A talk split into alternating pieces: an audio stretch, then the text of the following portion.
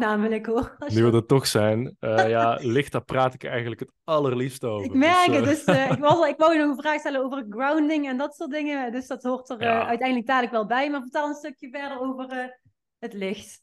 Ja, zitten. waar zal ik beginnen? Nou, kijk, we hebben het net over energie gehad. Ja? wat echt aan het fundament ligt van menselijke gezondheid.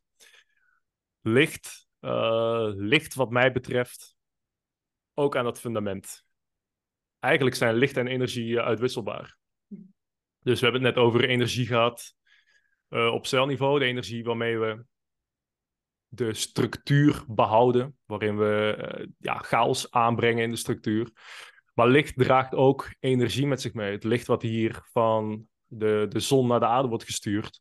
Het kunnen niet vastpakken, maar het heeft wel energie. En het kan die energie ook opdragen, overdragen op materie. Materie in ons systeem. Materie, ja, de aarde is één grote, één grote bol aan materie. Daar kan het die energie aan overdragen. Eh, licht draagt ook informatie in zich. Het licht wat wij kunnen zien, dat is zichtbaar licht. Maar er is een heel spectrum aan licht. Ook met soorten licht die wij niet kunnen waarnemen als mens. Dat betekent niet dat er niet meer licht is. De zon stuurt bijvoorbeeld ook infraroodlicht en UV-licht naar de aarde. Komt ook door de atmosfeer. Naast het zichtbare licht. Dus naast de kleuren van de regenboog die we kunnen waarnemen. Ehm, dat infrarode licht en dat UV-licht, dat, eh, die hebben ook specifieke functies binnen onze gezondheid. Nou, UV kent denk ik iedereen wel. Dat is eh, het licht waarvoor je stevig gewaarschuwd wordt zodra de zon weer een beetje begint te schijnen in het voorjaar. Het is het licht waar je haast bang voor gemaakt wordt. En ergens, ja, ergens begrijp ik waar dat vandaan komt, want UV heeft een superhoge frequentie, draagt er ook heel veel energie in zich. Op het moment dat jij in contact komt met UV, kan het die energie ook heel snel overdragen op jouw systeem. Waardoor het bijvoorbeeld, wanneer het in aanraking komt met jouw DNA, ehm, kan zorgen dat die DNA een overload krijgt aan energie en er DNA-schade plaatsvindt. Kan ook andere celstructuren beschadigen door die hoge energieload. Maar het wil niet zeggen dat dat een eh, reden is om die UV uit de weg te gaan. We hebben UV hartstikke nodig, juist vanwege het feit dat het zoveel energie draagt. Ik heb net verteld dat energie aan de basis ligt van menselijke gezondheid. Hoe meer energie we kunnen verzamelen, hoe sterker onze, ons lichaam op celniveau overstroomt van energie, hoe minder keuzes het hoeft te maken. En nou, hoe, hoe opvoller we het leven kunnen leven. Dus dat UV eh, komt in dat perspectief juist super welkom van de zon eh, naar de aarde. Ehm, dus ja, het is veel interessanter om te gaan kijken hoe kunnen we ervoor zorgen dat we die UV die de zon gratis naar planeet aarde stuurt, hoe we die zo optimaal mogelijk kunnen absorberen. Ehm, en dat we niet zeggen, niet lui zijn en zeggen van, oh, eh, UV kan ook schade met zich meebrengen. Nou, dan, dan ga ik me helemaal afsluiten voor de zon. Dan ga ik me, zodra ik buiten kom, helemaal vol smeren met zonnebrand. Of dan ga ik altijd maar de schaduw opzoeken, omdat ik bang ben voor de potentiële downside van de UV. Uh, maar ja, goed, dat is mijn uh, perspectief op UV. Dan hebben we ook nog infrarood. Infrarood kunnen we ook niet zien. Er zijn overigens dieren die uh, infrarood wel kunnen zien. Net zoals dat er dieren zijn, veel insecten, die UV kunnen zien. Slangen kunnen bijvoorbeeld infrarood zien. En er zijn, nou, volgens mij ook wat insecten die infrarood kunnen zien. Um, infrarood is ook extreem fundamenteel binnen onze energiehuishouding. Wij bestaan voor ongeveer 70% uit water. Als je jong bent, dan wat meer. Als je oud bent, dan uh, verlies je langzaam wat water. En water is een extreem bijzondere stof. Uh, het is dus ook niet voor niks dat wij voor 70% uit water bestaan. Het aardoppervlak bestaat ook voor uh, grofweg 70% uit water. Water gaat namelijk een hele bijzondere interactie aan met infrarood. Of eigenlijk gaat infrarood een hele bijzondere interactie aan met water. Op het moment dat infrarood in aanraking komt met ons lichaamswater, dus het, het water wat, waarmee elke cel van ons systeem gevuld is, dan is het in staat om de energie en de informatie in dat infrarood te absorberen. En wat er dan gebeurt, is het volgende. Uh, dat water op celniveau zit vol met opgeloste stoffen. En al die opgeloste stoffen die hebben een elektrische lading. Op het moment dat infrarood het water raakt, vindt er een scheiding plaats van die ladingen. Dat betekent dat de negatieve ladingen, de, de negatieve elektrische ladingen zich scheiden. Het zijn trouwens chemische ladingen, excuus. Mhm. Dat de negatieve chemische ladingen zich scheiden van de positieve chemische ladingen. En wat je dan hebt, is aan de ene kant heb je alle positieve lading, aan de andere kant heb je alle negatieve lading. En dat lijkt enorm op de situatie die je hebt in een batterij of in een accu. Daar heb je ook een compartiment met een negatieve lading, een compartiment met de positieve lading. Ga je een geleider verbinden tussen die twee uh, compartimenten, dan krijg je een stroom van die ladingen. Je krijgt een stroom, je krijgt een stroom van energie. En dat is wat infrarood ook in ons lichaamswater kan bewerkstelligen. Het zorgt voor een potentiële uh, stroom van energie. Het bouwt potentiële energie op. En die energie die kunnen we ook weer ontladen. En dat is hoe we direct energie kunnen halen uit de blootstelling aan infrarood licht. Het interessante van infrarood licht is dat het eigenlijk um, constant aanwezig is in het spectrum van de zon. Van zonsopkomst tot zonsondergang hier op een plek als Nederland. Dus daar kunnen we altijd gebruik van maken. Dus niet alleen uh, reptielen kunnen ja, hun systeem opladen door uh, in de zon te gaan zitten en op te warmen. Ook mensen. Ja, ja. ook. Ja, ja, dus dat is een van de redenen. Ik weet zeker dat als je nou ja, in die eerste voorjaarszon zit, dat je denkt van, oh, wat is dit heerlijk. Ik, ik ken niemand, ik ken echt niemand die uh, dan zegt van, oh, heb je die zon weer? Wat verschrikkelijk. Uh, ik blijf er lekker uit. Iedereen is ongelooflijk dankbaar dat die zon weer terugkomt. En dat, het, ja, dat je weer lekker in de zon kan zitten. En iedereen ervaart ook daadwerkelijk dat die zon ze oplaadt. Op wat voor manier dan ook. Dus Maar lekker dit- trainen, hè? Een beetje zonnetraining, toch? Exact, ja. Dit is dus eh, een van die manieren. Ja. Mooi. Dus ja, tot zover eh, een kleine lichtuitstap. I love it. Hoe, hoe lang zijn we eigenlijk bezig? Ik, eh, Ik zie hier een uur en een kwartier in mijn schermpje bungelen. Dat gaat lekker.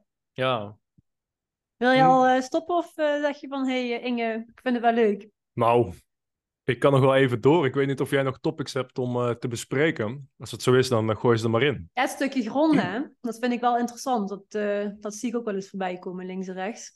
Ja, En heel veel Nou. mensen vinden dat een beetje bullshit vaak, hè? Zweverig, om met de blote Ja, voeten ja, in de ja, aarde. ja. eh, eh, Dat. dat is natuurlijk typisch eh, hippie. Maar dat sluit eigenlijk heel mooi aan op Ja. het verhaal van de scheiding van ladingen waar we het net over hebben gehad. Kijk, wij kunnen als mens, als levend wezen hier op de aardkorst staan om de lichtstralen van de zon op te vangen. En daar aan de hand van die, van die lichtenergie kunnen wij ons opladen. Maar nou, jij staat daar wel eh, op die aardkorst die, die, dat licht op te vangen, maar er gaat veel meer licht naast jou. Dat licht dat komt in aanraking met, eh, met de aardkorst. En die aardkorst bestaat ook uit materie. Materie die in staat is om de energie uit dat licht te absorberen. Eh, misschien heb je op de middelbare school met natuurkunde ooit geleerd over een eh, kathode en een anode. Kathode is iets, nou ik zal het niet moeilijk maken, maar een kathode is in principe iets wat elektrische lading afgeeft aan de anode, elektrische energie. De zon kan je zien als een kathode en de aarde, de aardkorst, als een anode. De zon die is eigenlijk gewoon een, een grote, gigantische gele bal met, met gratis energie. Die gratis energie, een deel daarvan, die gaat naar planeet aarde via de ruimte, via, via een lichtvehikel. En die pakketjes aan lichtenergie, die komen hier op aarde aan. Nou, wij kunnen daar dus direct gebruik van maken door die lichtpakketjes op onze huid te laten landen. Maar de aarde die vangt al die andere lichtpakketjes. Uh, daarmee wordt het oppervlakte van de aarde als het ware geladen met elektrische energie. Die elektrische energie, dat overschot aan elektrische energie, uit zich in een uh, toename van de negatieve lading. Dat heeft niks te maken met negativiteit. Het is gewoon simpelweg de, de elektronen in de aarde, dat is een onderdeel van de materie van de aarde, die worden opgeladen als het ware, waardoor de aarde een hogere negatieve lading krijgt. En over het algemeen is die aarde veel sterker negatief geladen dan dat wij als uh, mens zijn.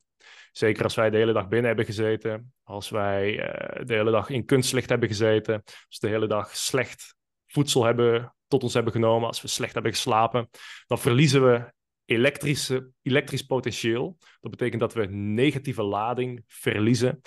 Uh, dat betekent dus ook dat de aarde relatief een grotere negatieve lading heeft dan wij als mensen. En op het moment dat wij contact maken met die blote aarde, dan wordt dat verschil in lading gecompenseerd, waardoor er elektronen, of laten we zeggen elektrische energie van de aarde, richting ons geleidend systeem stroomt. Dus wederom, eigenlijk is het een indirecte manier om lichtenergie te absorberen. In plaats van dat we onze huid direct blootstellen aan de lichtpakketjes, de energie, energierijke lichtpakketjes die de zon naar de aarde stuurt. Ehm, ja, laat de aarde of de, de zon de aarde op met die lichtpakketjes. En maken wij weer indirect gebruik van de negatieve lading die op die manier wordt opgewekt. En trekken we die negatieve lading aan de hand van elektronen richting uh, ons systeem. En dat is, dat is eigenlijk het fundament uh, van ading. En waarom ading ja, er zeker toe doet. En als je op grote schaal gaat kijken, want het argument wat altijd wordt aangehaald tegen ading is dat de, de overdracht van energie heel klein is, relatief. Veel kleiner. Ja, kijk, kan je ook je vinger in het stopcontact steken, dan, dan word je uh, beladen met veel meer elektronen. Dat klopt. Kan ik overigens niemand uh, aanraden. Hm. Maar kijk, je moet al dat soort processen op uh, cellulaire schaal bekijken. Op macroschaal, waarop wij beleven, stelt die energieoverdracht inderdaad heel weinig voor. Maar wanneer je het op microschaal gaat bekijken, dan heb je ineens een totaal ander verhaal. Dan zijn de perspectieven uh, veel anders. Waardoor die kleine energieoverdracht een veel grotere impact kan maken. En dat is ja, waarom ik iedereen zeker zou aanraden om uh, nou, eigenlijk wel dagelijks te aarden. En dan krijg je ook altijd de vraag van, nou, hoe lang dan? Nou, de liefst gewoon zo lang mogelijk. Want moedertje natuur uh, heeft ons met blote voeten op de aarde gezet. Uh, heeft ons met blote handen op aarde gezet. Die handen en die voeten, die zijn zo ontworpen dat uh, die constant eigenlijk zweten of een beetje vochtig zijn, waardoor, ja, waardoor die handen en die voeten beter geleiden. Waardoor er dus ook veel beter die negatieve of negatieve lading dus die elektronen kunnen absorberen. En nou ja, dan kan je wel zeggen van, uh, oh ja, de, de energieoverdracht is uh, heel, heel, heel laag, heeft allemaal geen zin op macroschaal. Maar ik kijk veel liever naar de manier waarop moedertje natuur ons ontworpen heeft. Het verhaal wat de natuur vertelt. En uh, daar probeer ik mijn leefstijl op te baseren. Dus ik probeer zoveel mogelijk te aarden. Iedere dag minstens enkele minuten. Maar ja, het lekkerste is gewoon om uh, een stuk strand op te zoeken of een stuk natuurwater. Daar uh, de hele dag een beetje in het gras te liggen of aan het strand te liggen. Af en toe lekkere plons te maken hè, in het water. Daar, daar aard je als een malle. En verder uh, ja, lekker in de zon te liggen. Dan grijp je de allerbeste manieren aan om de vrije energie van moedertje natuur op zo jouw systeem in te zuigen. Dat ja, en is... mensen kunnen het ook gewoon testen. Hè? Als ze gewoon even zich minder energiek voelen of gewoon minder lekker in hun vel zitten. Wat ik zelf doe, is ik ga gewoon hier naar het Nationaal Park de Mijnweg. En dan trek ik mijn schoenen uit. Ga ik gewoon lekker wandelen op mijn blote pootjes. En dan, ja, uh, ja ik zoek dan altijd zo'n zo'n stukje heide op. Helemaal rustig. En dan ga ik gewoon helemaal met mezelf liggen en uh, even alle shit vergeten. Nou ja, shit ja. is niet zoveel, maar gewoon dat stuk. Ja. Ja, heerlijk.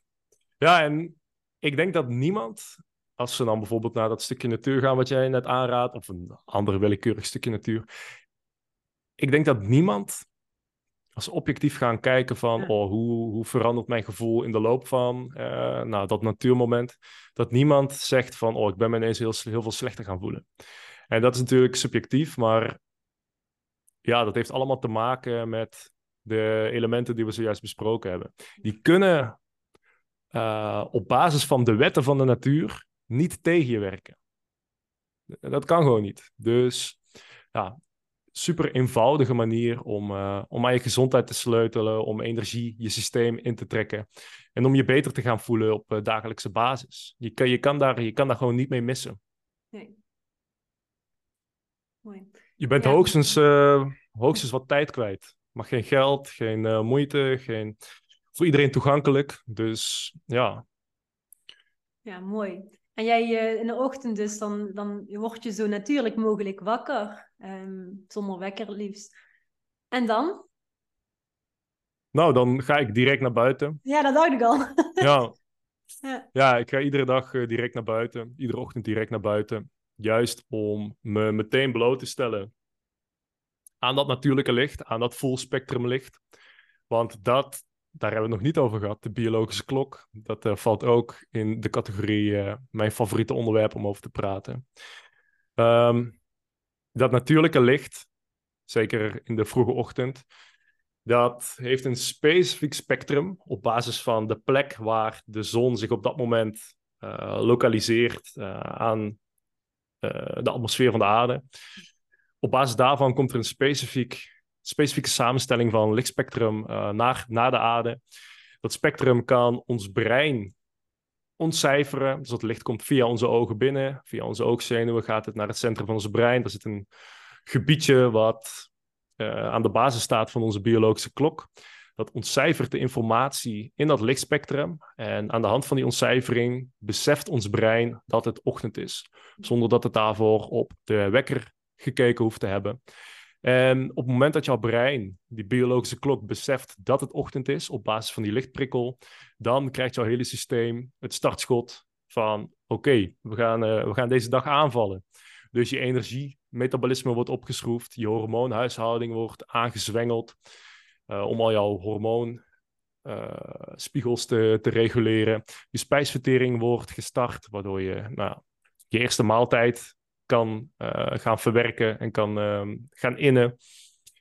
Ja, je zal merken dat je wat scherper wordt. Dus je hebt geen uh, driedubbele espresso nodig om bij de les te raken.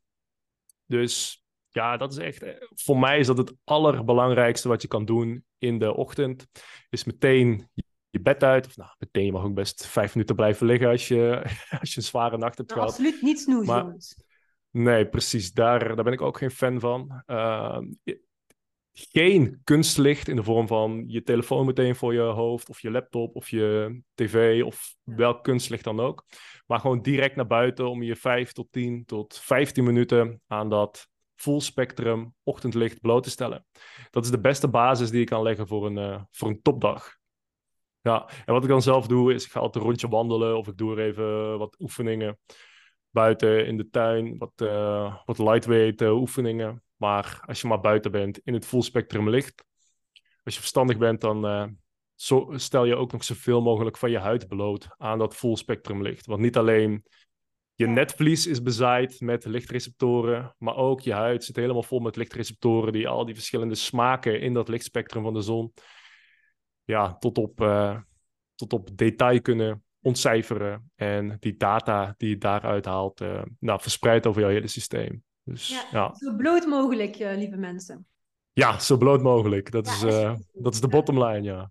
Ja, ja we zijn ook niet met kleren uit onze moeder gekomen, natuurlijk. Dat is, dat is wel een mooie, mooie uitspraak die ik ergens ooit gehoord heb. Ook niet met zonnebril, overigens, of normale bril of contactlenzen. Dat zijn ook allemaal ja, devices die wij zelf hebben ontwikkeld die absoluut een toepassing hebben, absoluut een functie hebben, absoluut nuttig kunnen zijn. Maar besef wel dat die het, uh, de informatiestroom van dat natuurlijke licht richting jouw ogen en richting jouw brein uh, verstoren.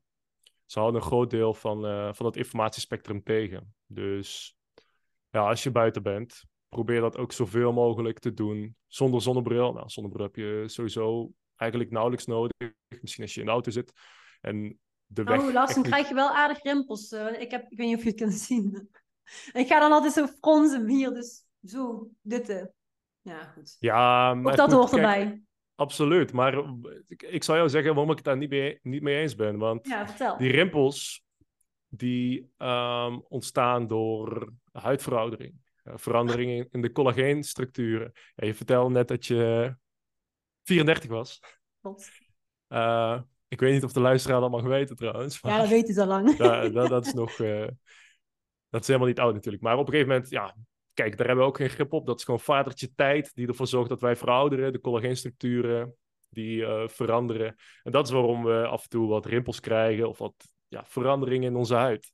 Maar er is een proces, of eigenlijk zijn er meerdere processen, die ervoor zorgen, of die dat tegengaan. Die op dagelijkse basis een grote schoonmaak in gang zetten. Een grote schoonmaak, een grote reiniging, een groot optimaliseringsproces op celniveau.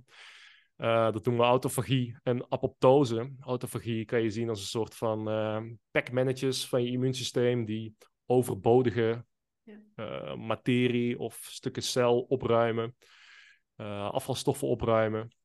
En apoptose is het heel nauwkeurig uitschakelen van cellen die hun beste tijd hebben gehad, of die misschien zelfs kwaadaardig zijn geworden, of de neiging hebben om kwaadaardig te worden, of die kapot zijn of op zijn.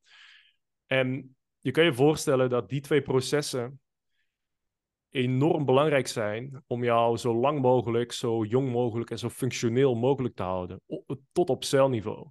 En laat het nou net die twee processen zijn die als belangrijkste input enerzijds ja, jouw energielevels hebben. Dus hoe meer energie je hebt, hoe meer ruimte er is om een grondige schoonmaak te doen. En om heel nauwkeurig uit te gaan zoeken welke cel dient ons systeem en welke cel willen we eigenlijk vanaf. Dat is apoptose.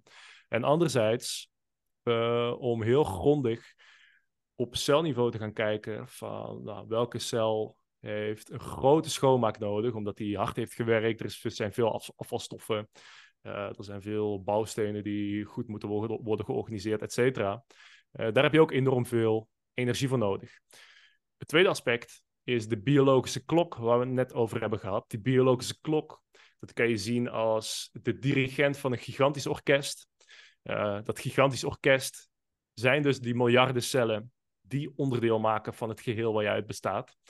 En al die verschillende onderdelen, al die spelers in dat orkest hebben super nauwkeurige instructies nodig van die dirigent om te weten wat ze moeten doen. Om te weten welke functies ze uit moeten voeren, waaronder dus ook apoptose en, autofagie. Dus hoe beter die biologische klok gesynchroniseerd is, hoe beter uh, het op de hoogte is van jouw plek in tijd en ruimte, onder andere dus aan de hand van die natuurlijke lichtprikkel, hoe beter en nauwkeuriger het kan aansturen uh, waar er apoptose en autofagie nodig is. Dus dit is wat mij betreft de absolute uh, sleutel tot ja, zo lang mogelijk, zo jong mogelijk blijven op uh, celniveau. Dus, om helemaal terug te komen, om mijn punt helemaal uh, thuis te brengen. In dat geval kan je beter die zonnebril gewoon afzetten. Misschien ga je er wel wat meer van fronsen. Dat is alleen maar extra goede workout. Um, want je haalt daarmee wel het full spectrum daglicht binnen, waardoor jouw biologische klok bij de tijd is. En uh, ja, die processen gewoon goed kan aansturen. Ja, daar laat ik hem even bij. Ja, dat is. Ja, mij heb je overtuigd, Lars. Uh, jongens, geen zonnebril. Ja, tenminste, mag het wel in de haren, hè, voor de, voor de show, toch? Absoluut, ja. Kijk, je moet natuurlijk. De zonnebril ziet er af en toe ook al fancy uit. Moet je natuurlijk absoluut ooit op kunnen zetten. Uh, als je een keer naar een feestje gaat of een festivalletje, dan wil het er ook wel eens, uh, ja, wil het wel eens hip uitzien. Dus doe dan lekker een zonnebril op. Maar zet hem ook geregeld af, zodat jouw, jouw biologische klok even kan uh, synchroniseren aan de hand van het full spectrum signaal wat je dan binnenkrijgt. Ja, ja, ja. ja. En dan in de ochtend, dan ja, heb je een tongschraper, poets je je tanden. Wat, hoe ziet het eruit zo verder? Ik poets mijn tanden. heel interessant. um, nou, ik poets absoluut mijn tanden. Laat ik even verder gaan waar we gebleven zijn. Uh, dat is natuurlijk die wandeling. Nou, dan kom, ik, uh, kom ik terug. Dan ga ik of mediteren, of ik ga stretchen slash een beetje yoga doen. Vaak is het wel nog even naar binnen. Uh, gewoon even de rust opzoeken. Daarna ga ik ontbijten. Ontbijt Jij ontbijt. En hoe laat plus minus? Uh, nou, dat is ongeveer een uur, een half uur tot een uur nadat ik uh, opsta en die lichtprikkel heb gehad. Interessant. Meestal, meestal eerder een uur daarna, zeker als ik nog uh, flinke meditatie doe. Ik doe ook wel eens Qigong, dus dat is ook een soort van... Ja, ik zou het niet echt een meditatie noemen, maar daarbij ga je dus heel gefocust. zoom je echt in op de, de energiestromen door je systeem. Mm -hmm. Kan misschien ook wat zweverig klinken, maar het is ook iets wat ik graag doe. En daarna ga ik uh, koken voor, uh, voor het ontbijt. Dat is meestal mijn allergrootste maaltijd. En uh, ja, daarna ga ik gewoon aan het werk. Ja, maar wat eet je dan? Eet je dan dus al een uur of half negen of zo? Ja, vaak is dat rond die tijd, ja. Vaak is dat rond die tijd. Hoe ziet dat eruit voor jou? Ehm, Stuk vlees? Een beetje afhankelijk van de seizoenen. Dus ik probeer mijn, eh, mijn dieet echt aan te passen op de, op de seizoenen. Wederom laat ik me daardoor eh, inspireren door nou ja, wat moeder natuur mij laat zien. Ehm, in de winter groeit er namelijk weinig op een plek als Nederland. Ja. Er hangen geen appels in de bomen. eh, er groeit weinig plantaardigs. Dus dan is mijn dieet met name eh, rijk aan dierlijke vetten. Dierlijke producten. Ook veel, wat meer zuivel, rauwe zuivel. veel boter, veel ghee, dat soort dingen. En dan richting het voorjaar en de zomer, dan neem ik weer wat meer eh, dierlijke of eh, plantaardige producten tot me. Dus wat meer fruit, wat meer groente, ook wat meer zo- zoeter fruit. Dus ja, zo probeer ik, dat, eh, probeer ik dat in te richten. Dus momenteel is dat, ja, we zijn net aan het einde van de zomer. Dus ik ben al wat meer de, de omschakeling aan het maken richting weer wat meer dierlijke producten, wat meer vet, wat meer verzadigd vet. Dus even kijken, wat heb ik vanochtend gegeten? Ik heb Ja, vanochtend makreel gegeten? Makreel, Makreel, gegeten. lekker. Ja, met wat eh, linzen, wat zuurkool. En een soort van flatbread van eh, spelt, gefermenteerd. Oké. Dat klinkt Ja. niet verkeerd. Want Nee, het brood, wa- eh, brood uit de supermarkt raden we maar even flink af hier in de Ja, gelukskast. dat, ehm, dat eet ik eigenlijk alleen nog maar in situaties die mij daar eh, sociaal toe verplichten. Ja, oeh, laat je je je dan onder druk zetten, Lars. Ehm, nou, nee, niet zozeer. Maar het is meer dat ik voor mijn gevoel zo, zoveel marge heb. Dat als ik nou één sneetje brood, één sneetje supermarktbrood eet, of voor mij part een heel supermarktbrood, dat ik daar niet meteen van ondersteboven lig. Kijk, je ik moet dat niet... dat kun jij goed handelen. Ja, absoluut. Ik moet dat niet elke dag doen. Dit komt weer terug op dat verhaal wat ik in het begin vertelde van die Ferrari motor en die afgetrapte Volvo motor. Ehm, ja, ik lig daar niet wakker van. Ik lig daar niet wakker van. En kijk, ik ben ook niet zo iemand die... Het ligt natuurlijk heel erg aan de sociale situatie. Als ik gewoon met mijn familie ben, ja, die weten inmiddels wel dat, ja, dat ik op deze manier in het leven sta en in mijn leefstijl sta. Dus ja, die houden daar ook enigszins rekening mee. En ik kan me daar natuurlijk gewoon volledig uitspreken. Maar als ik in een totaal nieuwe groep mensen ben. eh, en je gaat daar ontbijten, om wat voor reden dan ook. En dan komt daar eh, supermarktbrood op tafel. Nou, dan ga ik, er, ga ik er echt niet om liggen janken. En dan, dan, dan, dan, dan doe ik dat gewoon mee. En misschien dat ik, als iemand er naar vraagt, dat ik dan wel uitleg hoe ik erin sta. En waarom ik dat normaal gesproken niet zou doen. Maar eh, ja, vaak heeft dat ook geen zin om in zo'n situatie ja, heel erg je eigen mening of heel erg je eigen visie eh, door te gaan drammen. Dus, eh, Ja, ik zou gewoon niet eten, maar dat, eh iedereen, iedereen Ja. doet daar zijn eigen dingen natuurlijk. ja, precies, dat kan ook. Dat kan ook. Dat kan ook. Want ja, jij bent wel dus niet van het, eh, van het vasten, of, of dat wel? Ja, zeker wel. Ik eh, doe sowieso intermittent fasting, dus ik ontbijt. En dan in de middag dan neem ik nog een maaltijd. Ja. Maar ja, meestal, ik probeer echt na vijf uur niet meer te eten. Ah, De laatste tijd ben ik zelfs heel erg van de twee maaltijden per dag. Dus gisteren Ja. heb ik bijvoorbeeld voor het laatst om drie uur gegeten. Ja. Eh, vandaag ja, heb ik een redelijk inactieve dag, omdat ik hier al eh, anderhalf uur met jou zit te praten. Dus daarna eh, ja, eet ik ook mijn laatste maaltijd en dan eet ik de rest van de dag niks meer. Ik vind het heel fijn om leeg en clean die avond in te gaan eh, en de, mijn slaap en nachtrust in te gaan. Ik merk ook dat dat mijn slaapkwaliteit zoveel verbetert. Ehm, en ik merk ook dat, zeker als ik een stressvolle dag heb, of een stressvolle periode, en ik sla die ochtendmaaltijd over, dat ik dan gewoon een beetje, ja, dat ik dan wat sneller geïrriteerd ben en wat minder energie heb, wat minder gefocust ben. Dus ja, dat is de reden waarom ik, eh, waarom ik voor deze manier ga. En ook als je, wat ik net ook vertelde, is zodra je dus dat startschot geeft aan je biologische klok aan de hand van die prikkel van daglicht, dan zien we dat ja, die hormoonhuishouding begint te draaien. Die hormoonhuishouding stuurt eigenlijk het hele systeem aan om ja, over te gaan tot, eh, tot de actieve modus. En een van de gevolgen daarvan is, is dat jouw spijsvertering ehm, ja, aange, aangeschakeld wordt. Dus dat vertelt mij ook dat we ja, prima gemaakt zijn om te ontbijten. Dat moet gewoon kunnen, mits je je systeem goed hebt opgestart. Dus ja, dat uh, zijn mijn overwegingen. Doe er uh, mee wat je zelf wilt. ja, ik eet dus zelf uh, om 12 uur mijn eerste maaltijd. En dan... ja. Maar dat is allemaal prima. Iedereen ja, heeft daar zijn eigen dingetje in. En het is ook echt ja. maatwerk. Hè? Dat zeg je ook al een aantal keren. En de luisteraars moeten vooral daarin een, ja, een eigen keuze maken. Ja, 100%. En zeker, ik vind het wel interessant om hier nog even op in te gaan. Intermittent ja. fasting, dat is natuurlijk ook zo'n hype geweest. En ja. is nog steeds wel een hype. De, de, de klassieke manier om te intermittent fasten is natuurlijk om je ontbijt over te slaan. Maar ik denk dus dat zeker op basis van die biologische klok en de manier waarop ja, de natuur ons zo geprogrammeerd heeft, dat het natuurlijker is om uh, wel te ontbijten en dan die laatste maaltijd veel meer naar voren te trekken, zodat je clean die avond ingaat. Maar ja, je kan daar ook mee spelen. En de mate waarin jij marge hebt om daarmee te spelen, wordt naar mijn idee ook wederom grotendeels bepaald door de capaciteit van jouw motor op celniveau, door die mitochondriën. Hoe beter jij in staat bent om energie te produceren en hoe beter jij toegang hebt tot jouw reserves, hoe beter je het kunt veroorloven om in de ochtend dat ontbijt te skippen.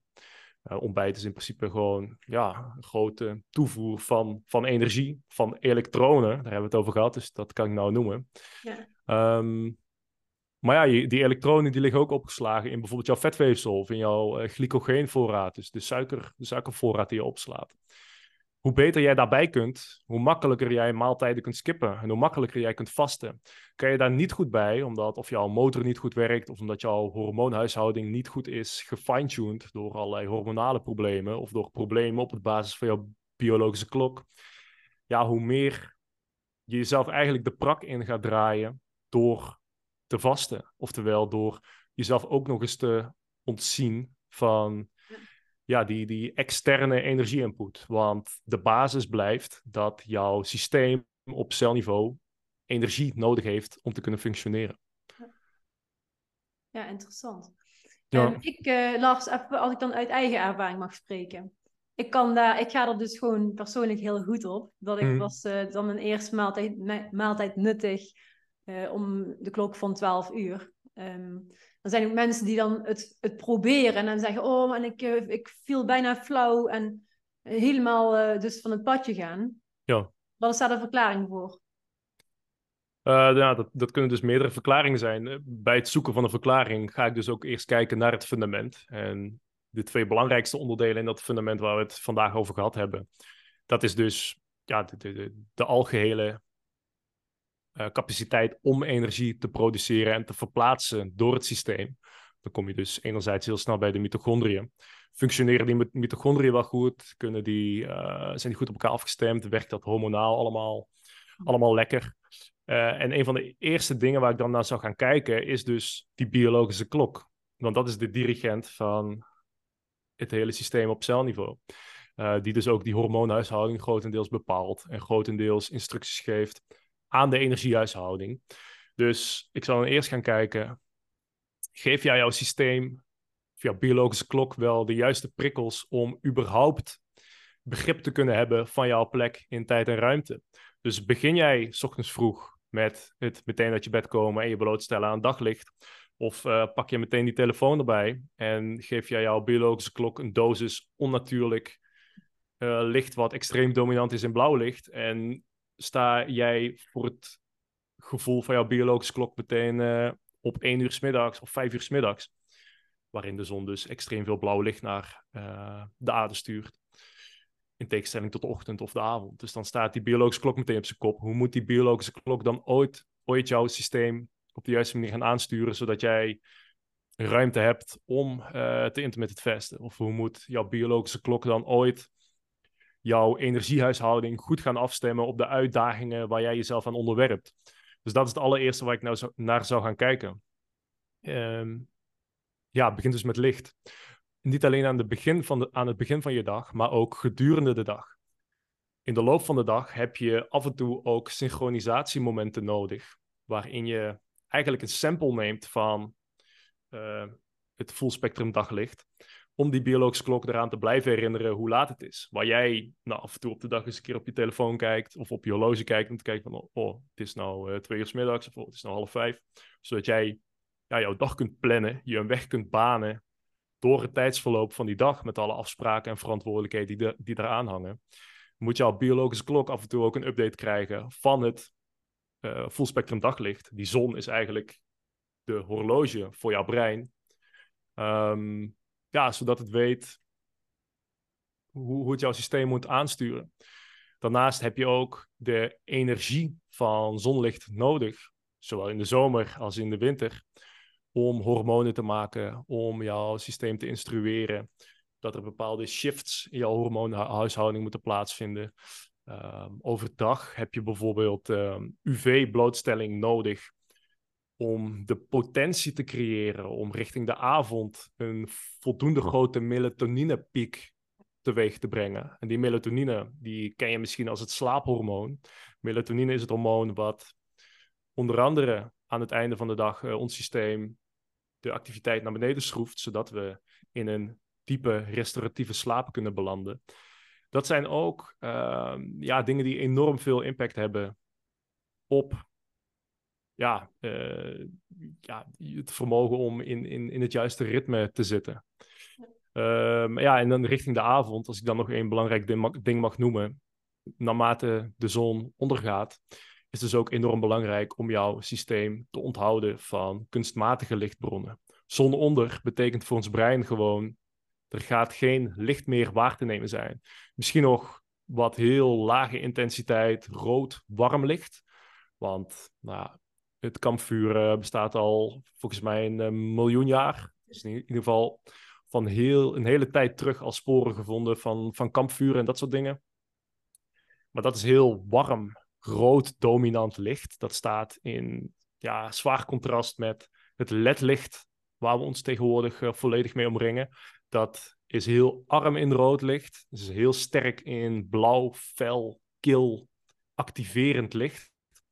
Simpelweg omdat ja, dat veel zuiniger is, veel energiezuiniger. Dus dat hele rood gedeelte hebben ze eruit gefilterd. Maar ook het UV-stuk hebben ze uit, um, uit het licht gefilterd.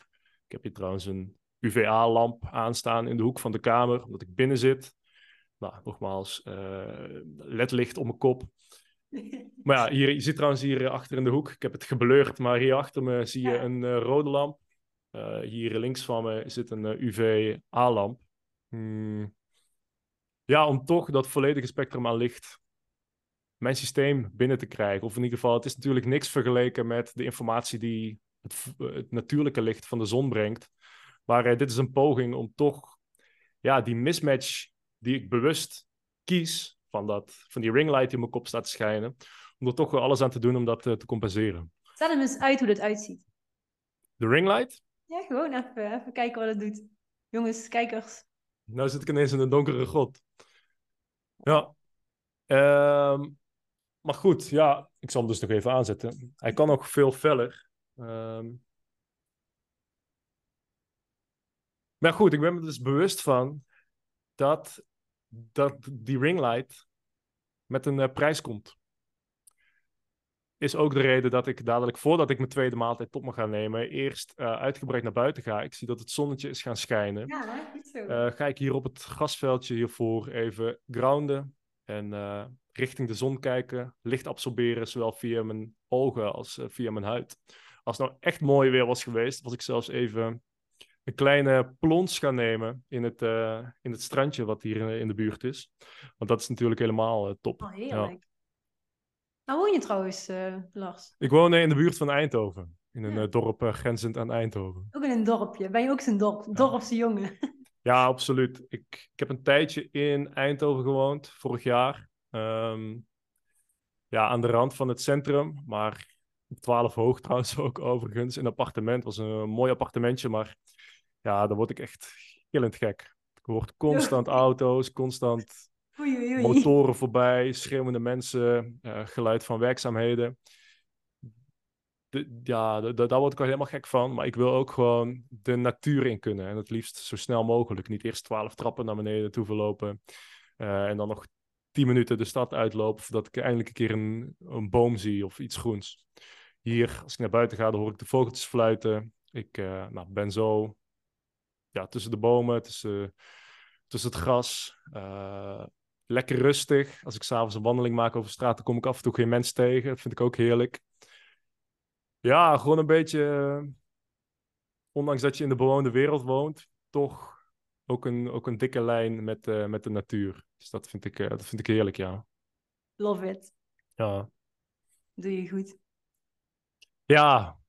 Ja, ik denk dat diep van binnen ieder mens daarvoor gemaakt is. Uh, het kan niet anders dan dat die natuur, dat dat groene, dat die dat geluid van de vogels, dat dat een bepaalde mate van herkenning bij je oproept. Dat dat uh, is waar we, ja, waar we vandaan komen.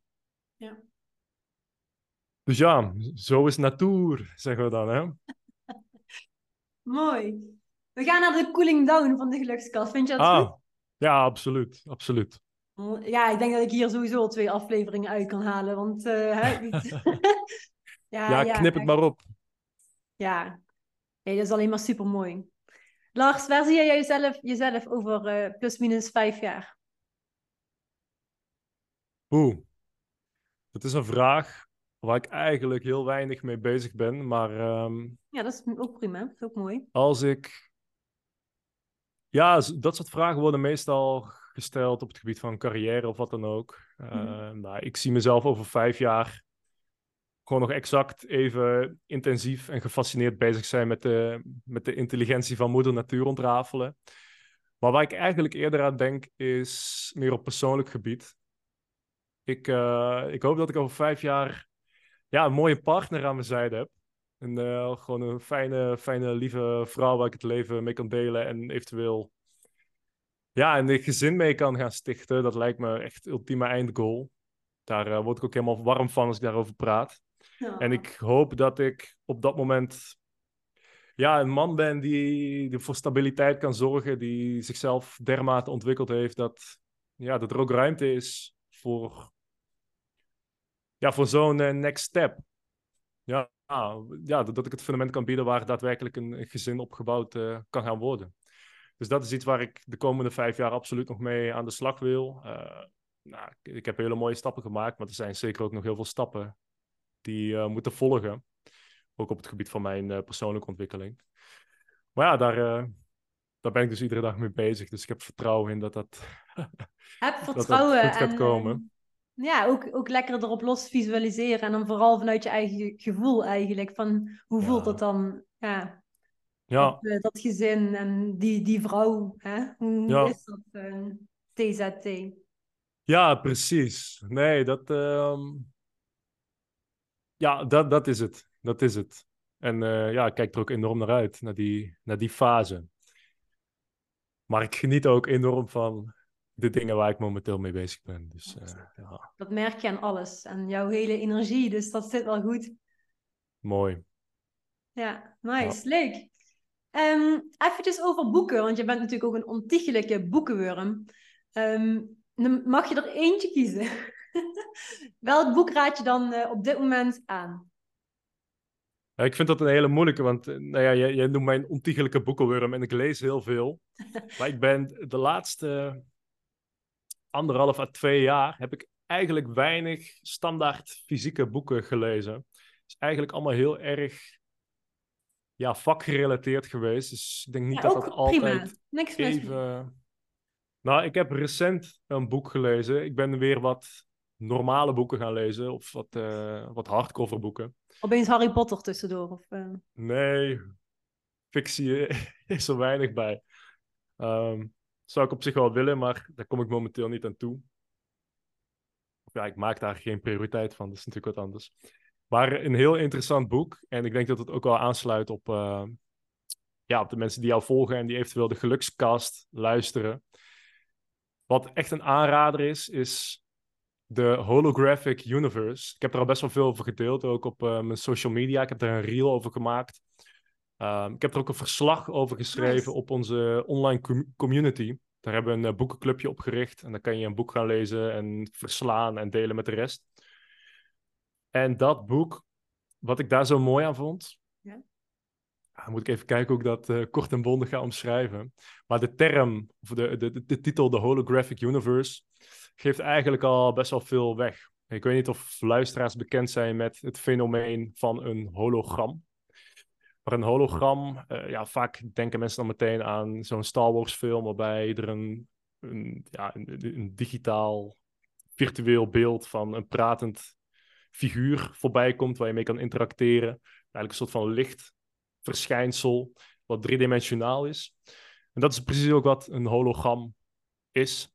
En in dat boek wordt ja, eigenlijk afgewogen of dat onze beleving, onze perceptie, uh, ons hele bestaan, het universum, uh, een hologram zou kunnen zijn. En ja, het wordt vanuit allerlei perspectieven belicht. Uh, het begint gewoon heel ja, down to earth, wetenschappelijk. Quantumfysisch wordt er gekeken naar wat een hologram daadwerkelijk inhoudt en wat er allemaal aan te berekenen valt en aan te beredeneren valt. Maar daarna ja, gaan ze langzaam in op de implicaties van ja, wat het in zou kunnen houden als we daadwerkelijk in een hologram leven. En dat alles wat we meemaken, uh, wat we produceren, ook in onze mind een hologram is. En dan kom je op zulke interessante ja, thema's uit. Uh, ook visualisatie wordt erin behandeld. Visualisatie is eigenlijk niets meer dan het oproepen van een hologram uh, in ons brein. Het is een beeldje, het is een plaatje. Ja, het is daar letterlijk een hologram.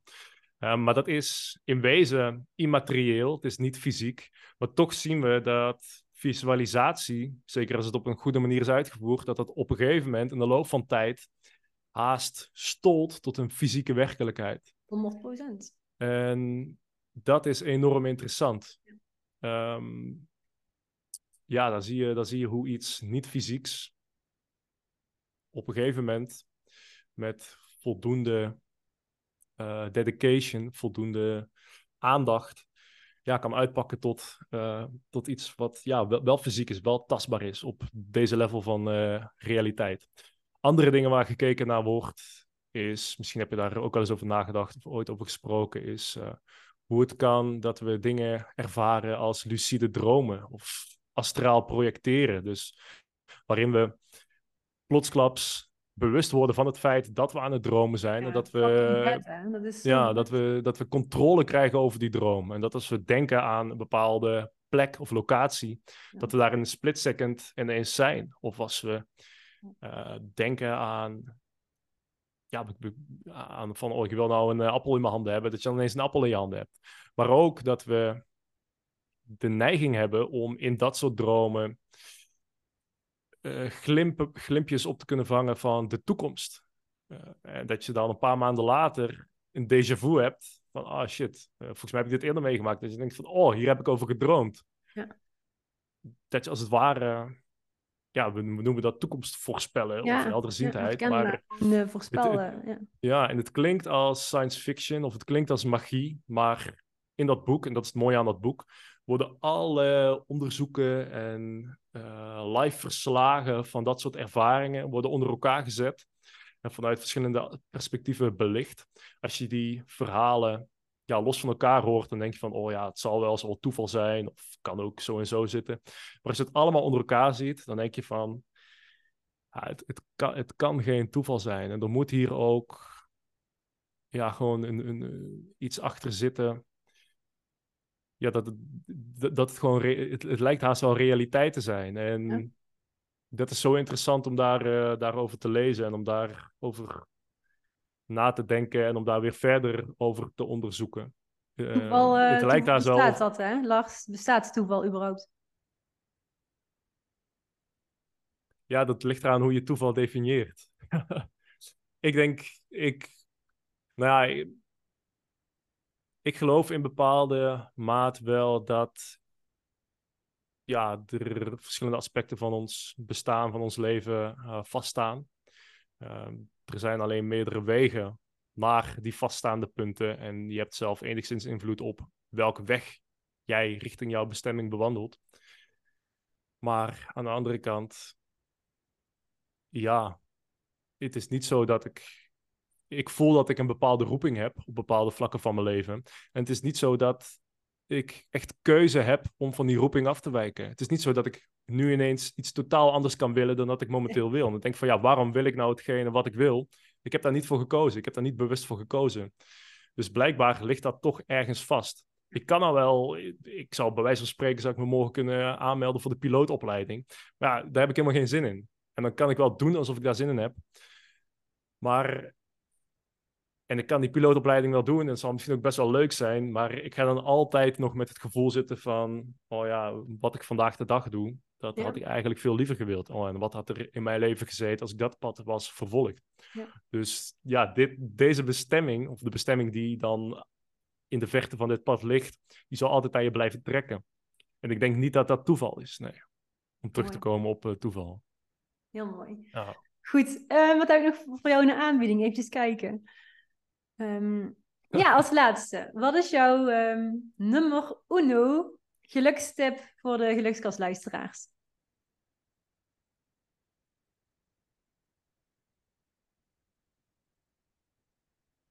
ik kan al een hele praktische tip geven. Dat is, dat is pak iedere ochtend daglicht.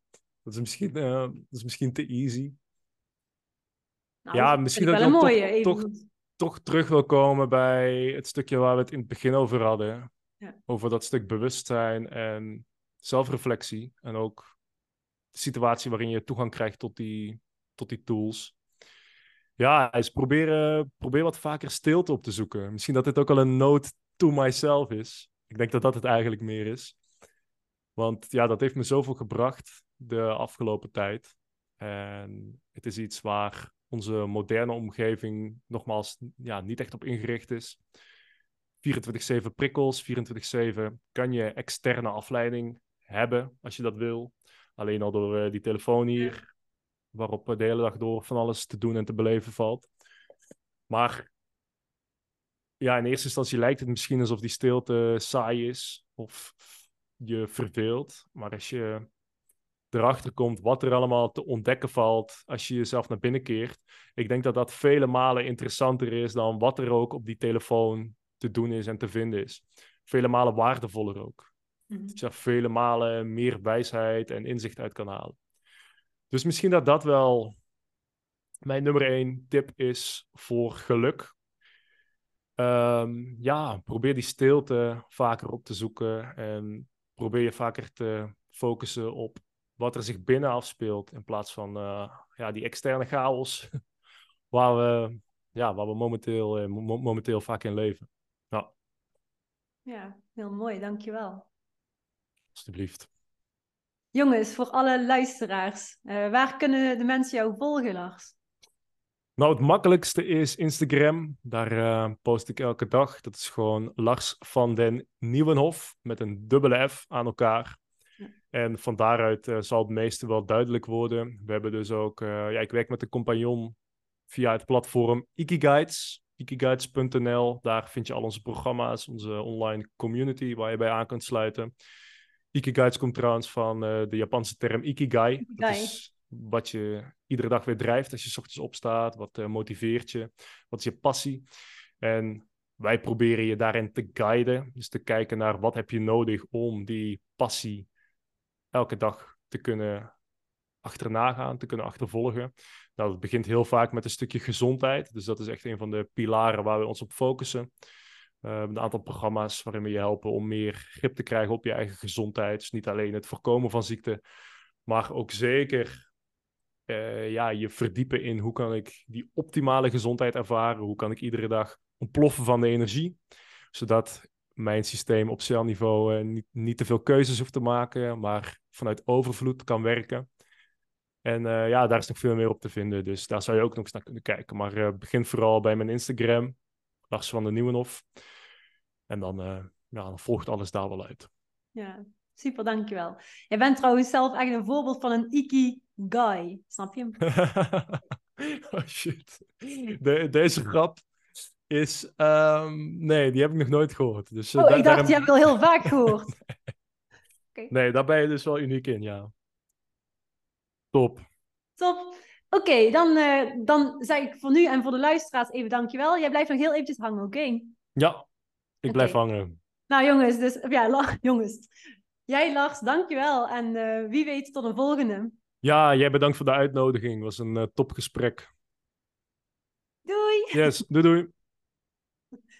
Oké. Kan ik hem al tussendoor stoppen? Ja. Uh, ja, je kan de recording gewoon stoppen, ja.